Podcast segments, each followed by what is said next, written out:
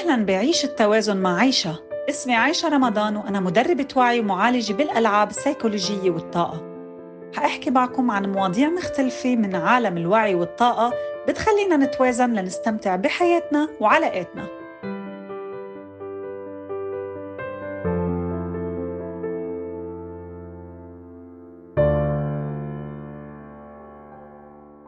شو الوحيد اللي ما فينا نتحكم فيه؟ الحقيقة وبكل بساطة إنه ما في شيء بنقدر نتحكم فيه تقريبا لا الطقس ولا أوضاع البلد ولا تصرفات الناس ولا العادات وأكيد ولا التقاليد. بس في شيء واحد تحت سيطرتنا واللي هو أفكارنا تصرفاتنا ردات فعلنا. نحن قادرين إنه نشوف الصورة من بعيد وبالتالي نحول الأفكار السلبية لأفكار إيجابية. هلأ السؤال الأهم كيف بنقدر نتحكم بأفكارنا؟ كل المطلوب منا هو إنه نراقب نتفرج وبس نقعد نشوف هالشي بدون ما نحلل بدون ما نحكم على الأمور. نبطل نقول إنه هيدا سلبي وهيدا إيجابي. وهيك ما بقى منطلق أحكام وبصير فينا نشفي حالنا بعمق.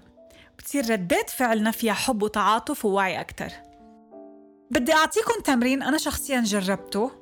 ولقيت فرق كتير كبير عليه بس ما رح نعرف نقول بيزبط ولا لا إذا ما جربنا فيا ريت تحاولوا إنه تلتزموا بهاي التمارين. أول شي لازم يكون في عنا وعي أكبر للمشاعر يلي نحن فيها ولأفكارنا يلي عم نختبرها. بس نراقبها بدون ما نحللها بدون ما نحكم عليها. بعدين خلينا نصنف هاي الأفكار كسلبية أو إيجابية. تاني شي لازم ننتبه أكثر للأفكار والمشاعر يلي حسستنا أو عفوا يلي ما حسستنا بالراحة. وهيك بدنا نفهم شو مصدرها من وين جاية قديش عمرها وليش أصلا موجودة هاي الأفكار بمساحتنا الطاقية وبواقعنا. شو بدها هاي الأفكار وهاي المشاعر تعلمنا؟ لأنه ما في شي بيجي هيك. كل أفكارنا كل مشاعرنا عندها طاقة وهي جاي تعلمنا شيء خلينا نبلش نتعامل معهم كأنهم شخص خارجي عنا. بنحكي معه وبنسأله شو جاي يتعلمنا. بدنا نصحصح شوي ونشوف هل هن ردات فعل مبنيين على تراكم برمجة عقلنا اللاواعي ولا هن مبنيين على أفكار عقلنا الواعي. يعني مثلا تراكمات برمجة عقلنا اللاواعي خلتنا نصدق إنه لحتى نكون مبسوطين ونعيش حياة طبيعية لازم نتجوز ويكون عنا وظيفة ونجيب أولاد وإذا ما جبنا أولاد يا عيب الشوم العلة فينا وإذا طلقنا أكلنا هوا ولازم يكون في عنا البيت المثالي وهول كلهم يمكن ما يكونوا بالضرورة هدفنا نحن بالحياة. يعني ما ضروري تكون رسالة من ضمن رسالتي بالحياة إنه أعمل هيدا الشيء لأنه كل واحد منا عنده هدف خاص فيه عنده رسالة. وبهالحالة أنا عم بحكي هون عن غير الشغف. طبعا الشغف بيوصلنا لرسالتنا بس كمان أسلوب حياتنا في رسالة. وبهاي الحالة لازم نتواصل مع قلبنا ونكتشف هدفنا الحقيقي ورسالتنا الحقيقية بعيدة عن كل يلي تعلمناه من مجتمعنا.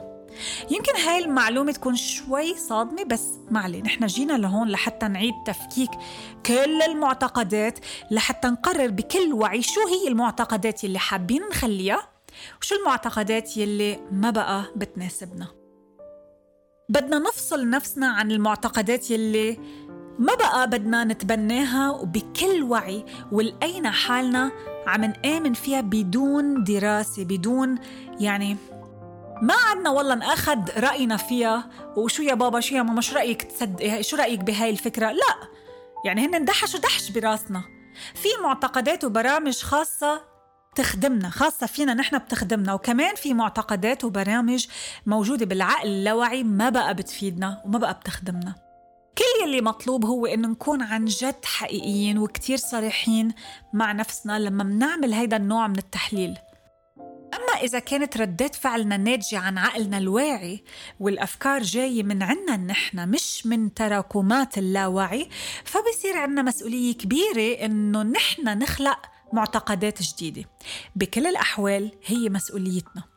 خلينا نقول مثلا إنه اشتغلنا على مشروع صغير بالشغل وخلصنا وبعدها واجهنا انتقادات وحسينا بالغضب والانزعاج. هيدا بيعني إنه في شي جواتنا تحرك مثل معتقد قديم. مثلا إنه نحن ما كتير شاطرين بشغلنا بالتالي لازم نعطي لهالمعتقد شوية تركيز لحتى نغيره. وعمليا الشيء يلي مش كتير قوايا فيه نركز عليه ونتعلمه.